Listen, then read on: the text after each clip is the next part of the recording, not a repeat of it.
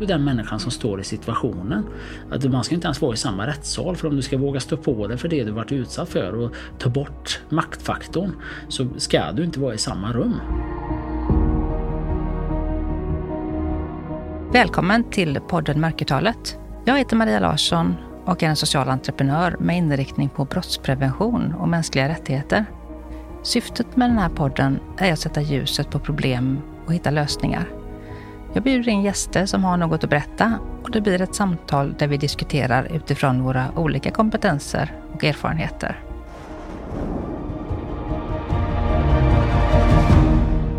Varmt välkommen till podden Mörkertalet. Jonas Ahl igen.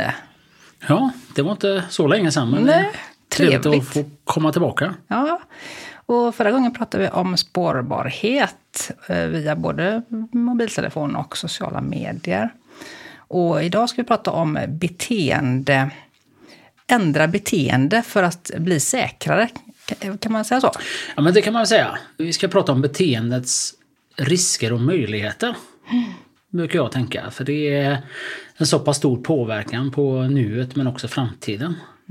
Så det är grunden för mig både för tryggheten men också för en riskbedömning. Bra. Bra talat, helt enkelt. Och du är ju annars säkerhetschef och riskhanteringskonsult. Och du presenterade det ganska utförligt i förra avsnittet, så jag tycker att ni som lyssnar och inte har hört kan eh, stoppa och lyssna på förra avsnittet helt enkelt före detta. Så får ni lite mer eh, hum om vem Jonas är. Men, men vi börjar väl helt enkelt. Vad är problemet först med våra beteenden? Varför är det ett problem? Problem tycker jag kanske är fel men vi måste vara medvetna om våra beteenden. Ur ett säkerhetsperspektiv får vi prata om. Också. Jag tänker säkerhetsperspektiv, men jag tänker överhuvudtaget mänskliga perspektivet. För det börjar så enkelt att beteenden är det som är grunden i all trygghet. Varje morgon du vaknar så går du upp och gör precis samma sak. Du går och tar din kaffe. Du går och tar din dusch på samma tid, samma tillfälle. Du går och klär på dig på samma sätt, olika kläder men samma sak. Du går ner till din bil som står parkerad på precis helst samma ställe, om inte väldigt nära. Du åker till ditt jobb, din sysselsättning, är må det vara göra. Åker du och handlar och du har handlat uppväxt, det sociala arvet i en röd butik, Hemköp eller ICA, så är det helst Hemköp och ICA du vill handla på resten av ditt liv, för det är där du känner dig hemma. Kommer du dit klockan 10 på morgonen så går du en promenad. Kommer du dit klockan 12 på dagen så går du en annan promenad. Går du dit klockan fyra så har du en tredje promenad. För alla affärer har tre gånger. Och bara med den kunskapen att förstå att jag gör detta för att det gör mig att jag känner mig trygg. Det är så många jag hör så här, så här men du bör inte gå samma väg för att du ska vara trygg. Och det är ju så kontraproduktivt så det finns inte egentligen. För du kommer ju känna dig mer otrygg. Sen kanske risken ökar på grund av att det är kända beteenden. Men det innebär att du känner dig mer rädd, vilket gör att du kommer utsätta dig för mer risker. Vilket gör att du kommer sticka ut ur samhället på fler sätt. Vilket gör att det är större risk att du blir röjd.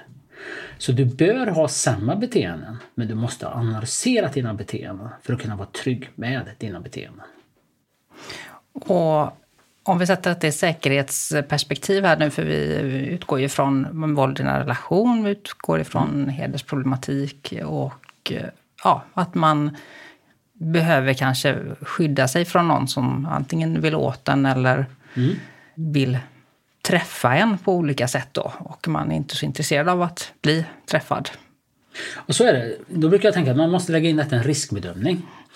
Om du hade kommit till mig, varit våldsutsatt, så hade jag satt mig ner och pratat med dig. Och så hade jag intervjuat dig. Hur mycket som helst. En massa frågor om dig, hur du är, vad du betyder, vad du gillar, vad du gör, vem det är som har betydelse, vad du har för anknytning till olika vad du gillar för fritidssysselsättning, vad du gillar för kläder, med mera, med mera. Och då behöver man koppla det. Så skriver man ner det i ett formulär. Sen så ber jag dig att utforma precis samma frågor fast utgå från förövarens perspektiv. Och då, om man har varit utsatt så är man ju en detektiv. Man är ju en James Bond. Du vet ju allt om den här förövaren på ett eller annat sätt. Om du har levt med den då. Och då kan man ju börja koppla det till olika saker. Du vet när den här personen går upp på morgonen. Du vet när den åker till jobbet. Du vet dens olika aggressionsmönster. Du vet deras utagerande. Du vet deras nätverk. Du vet massa med information. Om du tankar ner den här informationen plus att du tittar på deras nätverk och deras beteenden. Om du kopplar dem och lägger dem över varandra med massa annan information, med bakgrundsinformation och sådana saker. Så kan du skapa helt nya fria platser. Och det gör att du kommer förstå ordet varför ska jag ändra ett beteende? För du kommer kunna matcha detta mot den här förövaren. För att du ska kunna vara trygg i dina situationer, för att du ska kunna vara fri över tid. Och inte behöva gå och kolla över axeln som man så käckt säger. Kolla det lite mer över axeln. Här har du en larmknapp. Det kommer få dig trygg. Men du har snarare blivit mycket mer rädd. Så det för mig är en beteendesäkerhet som ska sättas, appliceras in i verkligheten. Ja, det var väl kanske en snabb... Mm. Ja, vi dök ju rakt in i ämnet här känner jag. Ja, ja. Men eh, ja, vi utgår i alla fall ifrån att man ska kunna förstå bättre, lägga ett pussel både på sig själv men även på ja, den som stalkar eller sitt ex då i de flesta fall här vad det gäller våld nära. För att förutse helt enkelt. Vad kan hända? Hur ska jag undvika att det händer? Så att det här är ju förebyggande arbete.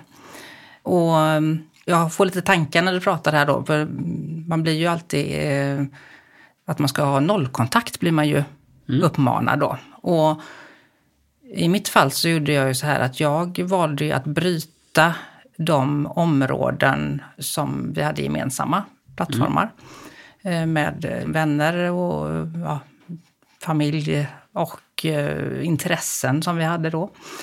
Och bara lämnade det egentligen. Och blev ju uppmanad av det också av polis och åklagare och så här för att ja, inte förklara så mycket utan bara gå därifrån och lämna dem så att han får sina arenor i fred. Och det har ju faktiskt funkat väldigt bra för att då har han ju sina kontaktnät och sina arenor där och eh, som är intakta. Och har inte behövt att lägga så himla mycket krut på mig mer än nödvändigt då.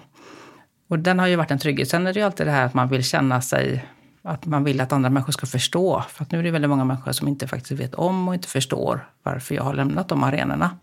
Men för min trygghets skull så har ju det varit bra. Och så är det. Och jag håller väl med om de här äh, uppmaningarna till viss del.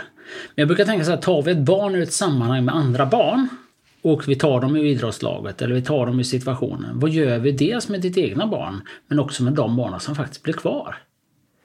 Jag brukar säga det att jag tycker nästan att man ska skriva ett brev och förklara varför. För då får ju den personen, sen får ju den tycka vad den vill. Men den kommer ju prata skit om dig. Så istället för att du pratar skit, prata sakligt. Låt barnen ta farväl. Låt alla få ett avslut på sitt sätt och sen får de tolka. Du ska inte göra förtal, du ska inte göra någonting. Du ska hålla det sakligt.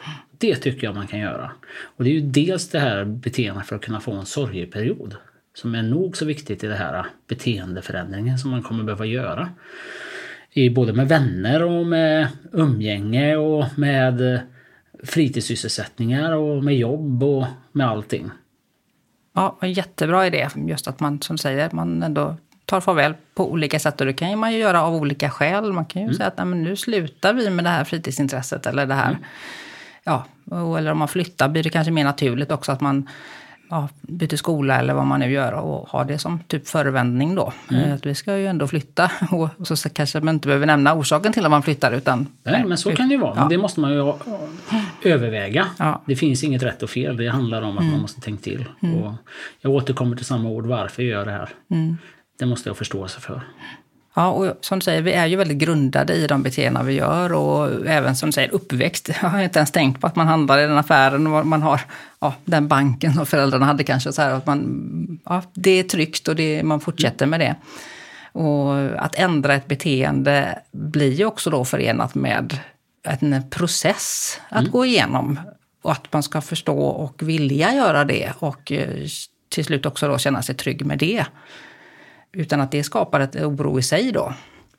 Ja, och det är ju det här som är grunden för man blir ju stressad av att inte ha kontroll.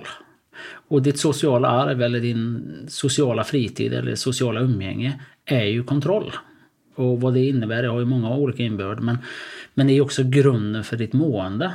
Allt som oftast. Och då är det det som är anknytningen, det som vi pratade sist gång om telefonen. Det är en anknytning till att du mår lite bra, att du kan fly iväg med tankarna eller vad det nu må vara. Och det är ju samma sak med beteendena. Och kan vi inte spegla det och jobba med det utan ha förståelse och grunda med det och få en väg ut ur det så kommer vi leva kvar i den sorgen. Vilket är helt okej, okay, men vi måste kunna få må bra och komma förbi den biten och gå vidare. Och jag tror att många röjs idag på grund av just det här att man inte har förändrat sina beteenden. Man har försökt. Men det går inte att förändra beteendet utan att någon egentligen hjälper en och speglar en i det här. För det behövs vara på en annan nivå än en kompis som är, sitter där och egentligen svarar lite snällt för att vara snäll eller någon som svarar för du vill inte såra någon och det ska man inte göra med flit, absolut inte. Men du behöver ha, höra den här riktiga faktan att ja, men gör du det här så finns det risk för det här.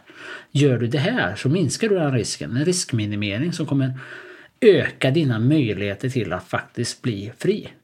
För idag jobbar vi med att gömma människor och det är ju helt konstigt.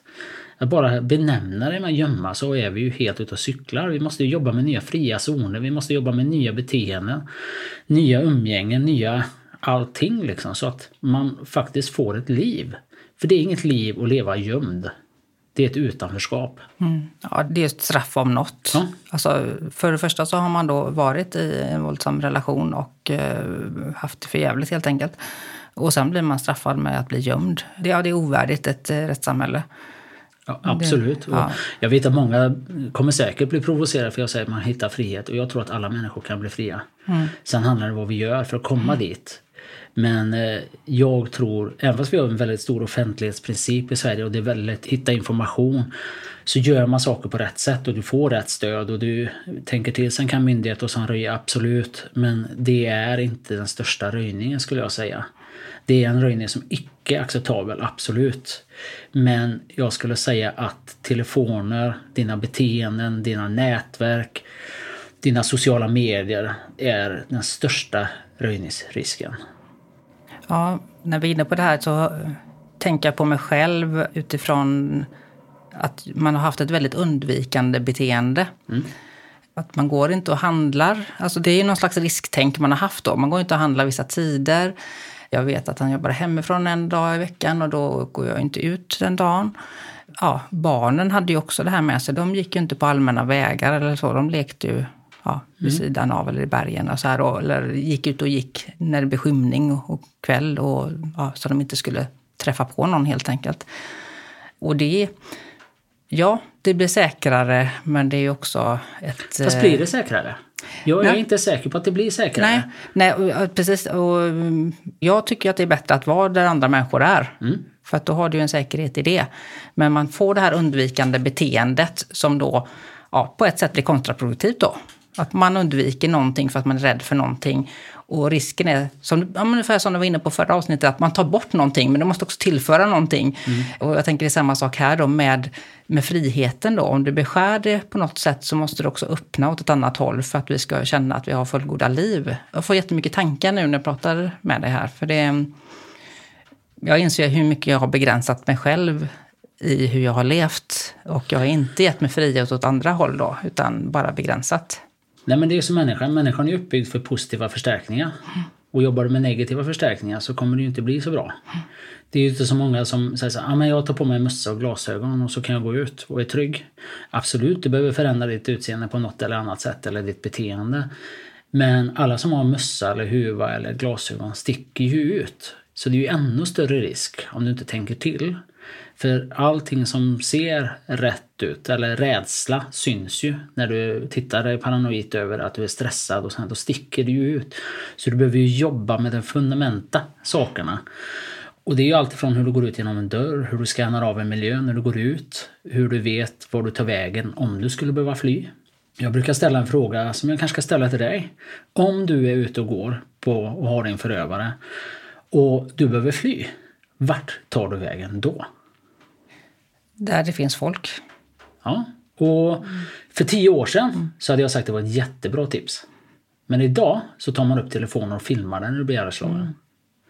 Det finns mm. inte de trygga zonerna längre. Mm. Allmänheten är inte den trygga platsen. Utan de nya trygga zonerna är ICA, Hemköp, Guldfynd, apotek mm. eller vice versa. Du springer till kassan och där påkallar du hjälp. För de är tränade för, eller för rån, mm. överfall, de har larm, de har väktare med ingripande. De har polislarm och där kommer folk komma. Det är en sån liten mm. promille som skulle kliva in i den situationen. Så den nya trygga platsen är inte allmänheten utan det är den professionella aktören som har en larmkedja. Det är tips. Bra tips. Det var sjukt bra. Mm. Och jag tänker att man är ute och går överhuvudtaget. Eh, jag, jag bor ju inte i storstad så att jag mm. har inte guldfinn inom, inom synhåll direkt. Men eh, ja, överhuvudtaget tänker jag att det en förövare vill ju inte ha någon uppmärksamhet. Så att eh, när de dyker upp och säger ja men jag vill prata, för det heter ju oftast så. Mm. Och vi kan väl gå åt sidan här då? Och då ska man ju absolut inte gå åt sidan. Nej. Utan liksom nej, nej, vi går åt det här hållet. Det står kvar, det gäller ja. att äga situationen. Mm. Det är lite som att man är ju rädd när man går ut, vilket jag har full förståelse för. Och det är ju rätt så galet för när vi växer upp så lär vi oss titta åt höger, titta åt vänster, titta åt höger igen. Eh, när vi går över vägen. Det har du varit med om också tänker jag. Och det här är ju samma sak när vi söker efter olika saker så använder vi den här tekniken. Men om du bara gör en övning själv när du tittar snabbt åt höger och så tittar du snabbt åt vänster och så tittar du snabbt åt höger igen. Känn känslan som infinner sig i kroppen hos dig just nu. Så är det en stress. Så det du behöver göra, det är nästan lite mindfulness, det är att du tittar åt höger så tittar du hela vägen långsamt åt vänster och sen tittar du tillbaka till höger långsamt. Så har du skapat en trygghet. För din trygghetskänsla sitter i nacke och axlar och det du ser, inte den punkten du tittar på. För punkt A och punkt B är helt meningslösa. Det är ju faktiskt vad som händer däremellan. Mm, ja, det är mycket. ja, det är mycket man gör fel, hör jag ju. Det... Är det fel? Ja. Jag tror att det är rätt, för det är det man mm. efterlever. Det är också någon av vi som är de professionella är ju faktiskt ansvariga för att hjälpa dig med att mm. få den här tryggheten.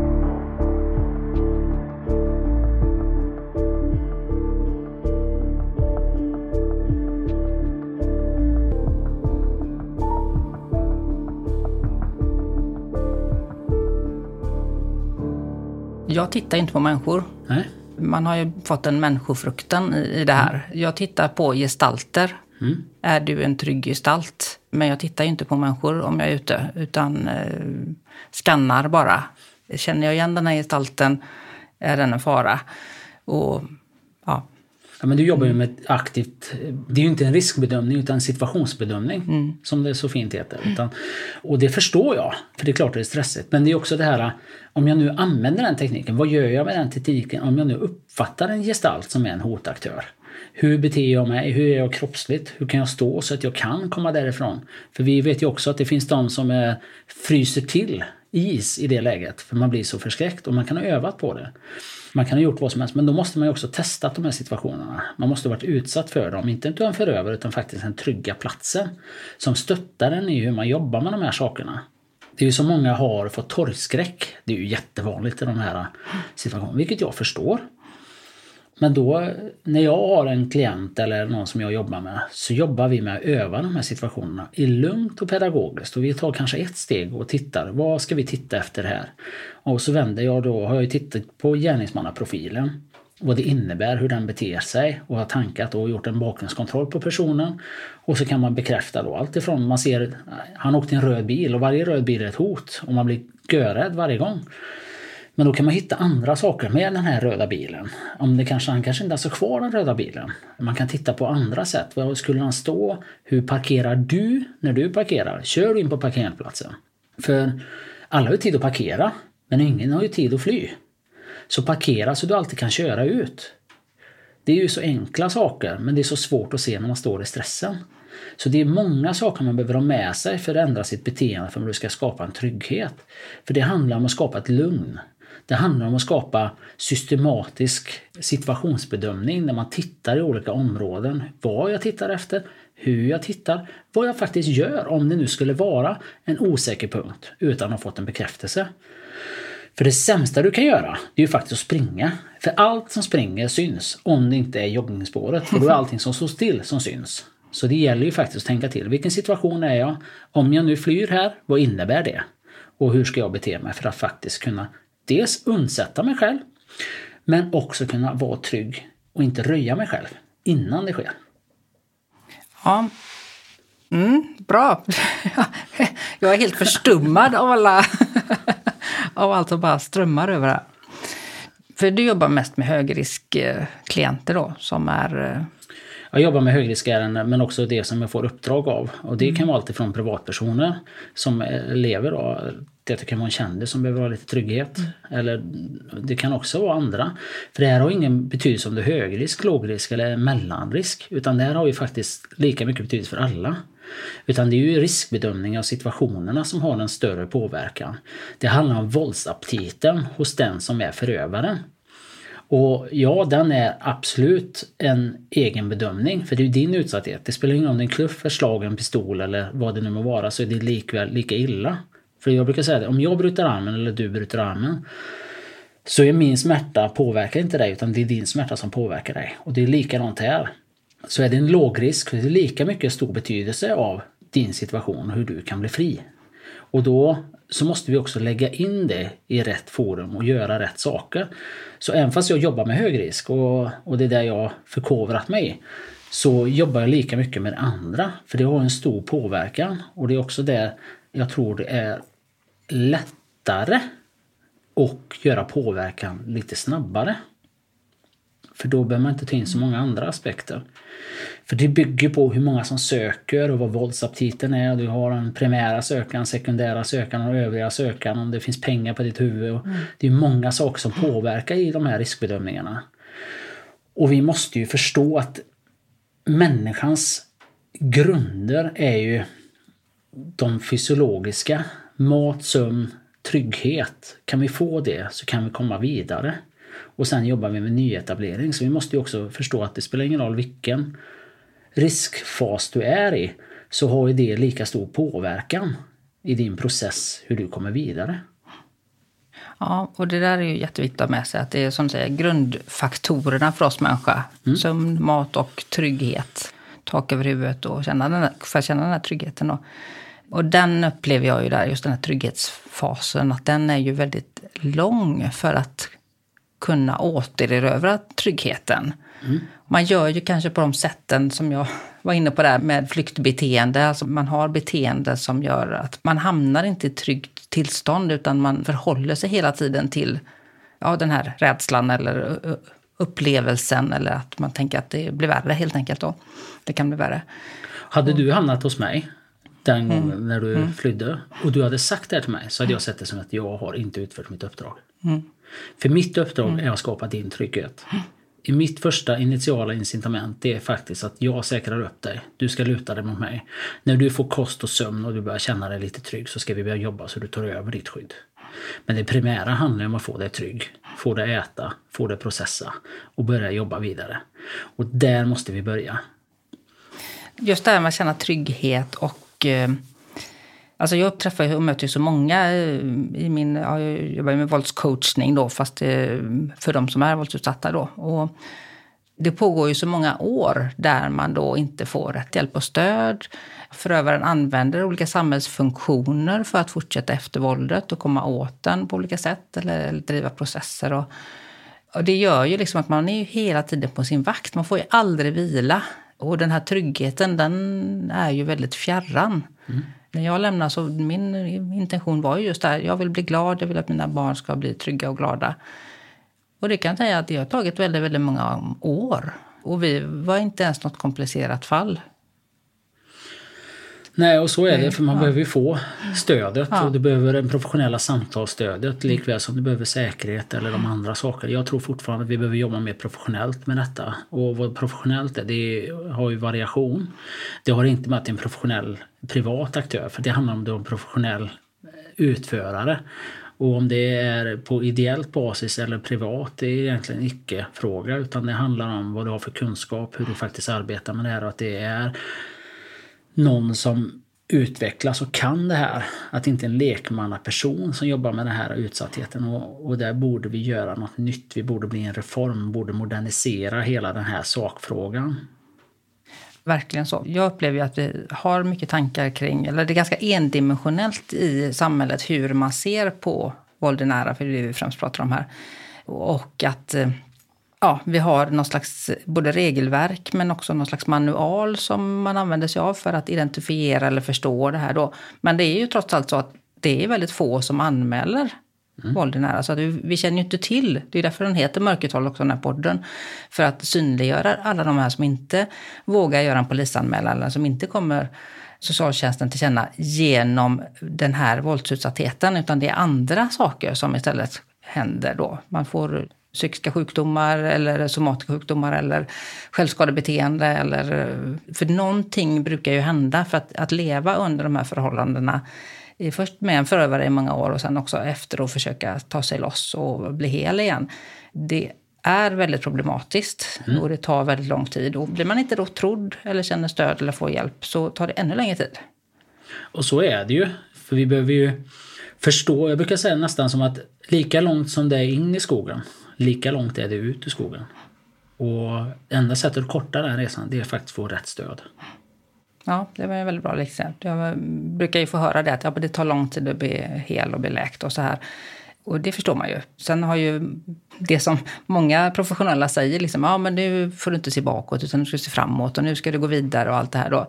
Men om man inte har fått stöd, om man inte har fått stöd med PTSD eller inte fått uh, hjälp i de här processerna efter våldet då, så um, det går ju nästan inte att gå vidare då, utan det tar ju oerhört lång tid.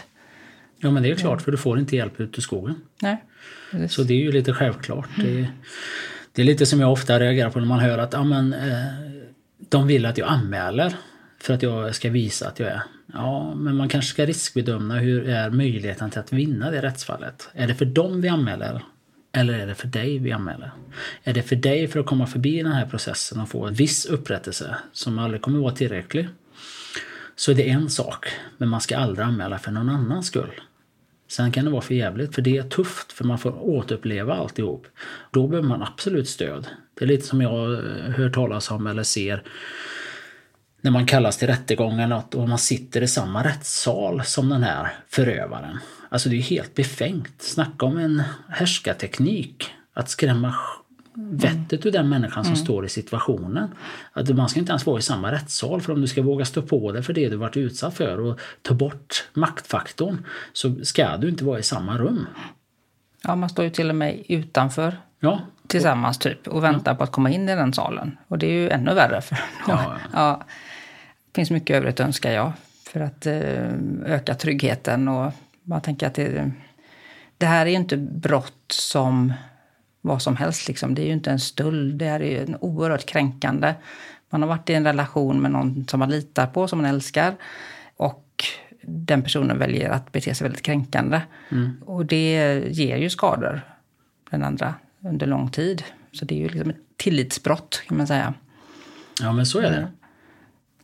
Det är viktigt både att förstå och få mer kunskap och veta vad man ska göra för att både skydda sig och, och säkerställa liksom att man får ja, en grundtrygghet och, och, så att man blir grundad helt enkelt i och vågar leva sitt liv och får uh, hitta de här strategier och ja, det man behöver för att återta sitt liv igen. För jag brukar tänka att man blir som ett sönderrivet papper. Mm. Det finns ju en sån här modern uh, liknelse kring det då.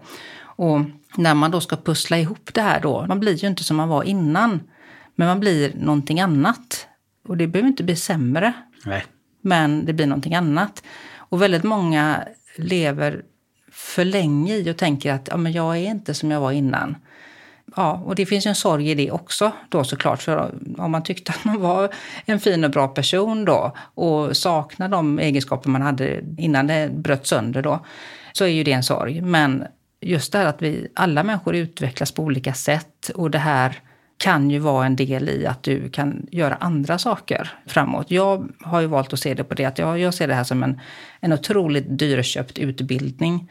Det höll på att kosta mig livet på olika sätt. Och jag har inte råd att slösa bort den utbildningen utan jag måste använda den. Så därför gör jag olika saker i det här häraden för att både sprida kunskap och hjälpa andra människor. Då. För att det får inte vara förgäves. Så att trots allt det här meningslösa som ändå har hänt då så går det att skapa mening i det. Men det är ju man själv som gör det och hur man betraktar det, hur man ser det, vilken inställning man har till det. Och att man få vara snäll mot sig själv i det här. Att ja, men jag är ett sönderrivet papper, men jag är bra ändå. Mm. Ja, det gäller att vara snäll mot sig själv. Ja. Och ha förståelse för vad man faktiskt har gått igenom. Och det som du säger, historia är ju faktiskt inte bara en tyngd. Det är Nej. ju faktiskt en möjlighet. Sen är det tufft och förjäkligt att behöva gå igenom det. Ja, precis. Och där tänker jag ju som jag var inne på, när man är gömd så är ju det en faktor som är Ja, det är ju en boja. Det är ju ovärdigt på många plan. Och det borde ju inte vara så, utan vi måste ju kunna jobba i, med samhället så att vi inte ska behöva gömma människor som är eh, i de här situationerna. Ja, men så är det. Men det är bara att titta här. Titta i Göteborg. Säg då att du blir placerad i Göteborg du- eller du flyr eller vad som helst. Och du är i Göteborg och du har en förövare någonstans som vet att du kanske inte har körkort eller du har nog inte bil i den här situationen. För man får inte äga en bil om man bor skyddat boende allt som oftast. Om jag då vet att du är den geografiska adressen eller den området. Då är det ju så att om jag inte då förstår vad det innebär så gör ju spårbarheten på dig än mer. Jag skulle hitta dig inom två veckor utan att veta vilken region du är i Göteborg eller vilken kommun eller stadsdel. Genom att utgå från kollektivtrafiken. För då hade jag tittat på de fem knutpunkterna och så hade jag bevakat det. Under de veckorna så hade du passerat där någon gång under tiden. Så enkelt är det att hitta dig i Göteborg. Ja, det gäller att inte blinka för mycket då. Så är det. Men, det är, men, men, men du måste, för dina beteenden har du inte förändrat om du inte har blivit speglad i det. Och har vi inte förståelse för det, sen har du ditt spegling och du har det. Så det är klart att du då kan hålla dig undan. För det går att gå utanför de här knutpunkterna. Men du måste vara medveten om det. Om du lever med dina gamla beteenden så kommer du bli hittad. Om du speglas i dina beteenden, förändrar dina beteenden och medvetgör i de här riskzonerna så kommer du också bli fri. Men om du åker där förbi Brunnsparken som exempelvis så kommer du vara livrädd. Du kommer ha sån ångest så det går inte ens att förklara med ord. Men om du kan hitta andra vägar för att vara trygg. För det är det här beteende, säkerhet för mig som jag bygger det på, handlar om att förstå och faktiskt åtgärda med riskminimerande åtgärder för att du ska inte behöva vara gömd utan du ska vara fri. Grymt bra tips. Något mer du vill tillägga här? För jag tänker att vi går mot avslutning vad gäller beteenden och eh, Ja, det är så svårt. Eh, Det finns så mycket. Jag har så mycket. Ja, jag så, hör det. Det bara bubblar, bara jag krafsar lite. Så. Jag kan hålla på hur länge som helst och det finns hur mycket som helst man behöver ha med i detta. Och sen är det ju individuellt självklart, så man ska ju ta det som passar en själv. Men man får inte sätta sina egna behov före sin säkerhet. Utan behoven ska anpassas efter din frihet. Det är väl egentligen det jag tänker. Jag tror att vi avslutar med de orden helt enkelt. Ja, Det var fint. En fin avslutning. Stort tack för att du kom hit idag. tack Jonas. själv. Om du känner igen dig eller förstår att någon i din närhet är drabbad så finns det mer information om vart du kan vända dig i beskrivningen till det här poddavsnittet. Där finns även information för dig som tycker det här är viktigt och vill stötta den här podden, antingen via Patreon eller Swish. Vi hörs!